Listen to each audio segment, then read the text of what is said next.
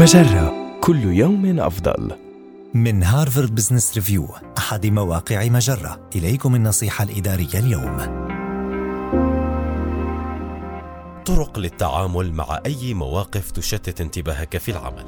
تتمثل استجابتنا الغريزية للمشاعر العارمة والجياشة في قضاء اليوم بأكمله في تصفح الإنترنت أو إنهاك أنفسنا في العمل لتشتيت أفكارنا. إلا أنه يوجد بدائل بين هذين النقيضين تساعدنا في تحسين حالتنا العاطفية والتحكم في الأفكار التي تشتت انتباهنا في أثناء العمل. ابحث عن مهمة في قائمة مهامك تجعلك تشعر بالرضا، شرط أن تكون تلك المهمة مألوفة لديك ولا تسبب لك الإرهاق. حاول تأدية مهمة غير مألوفة منخفضة المخاطر كنت تتجنبها.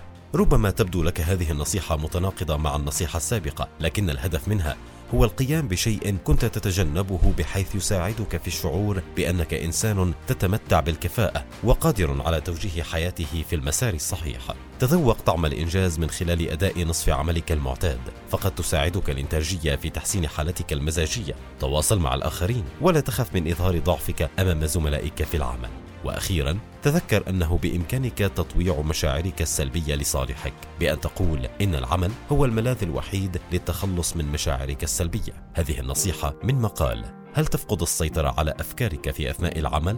إليك سبل احتوائها والتحكم بها. النصيحة الإدارية تأتيكم من هارفارد بزنس ريفيو أحد مواقع مجرة.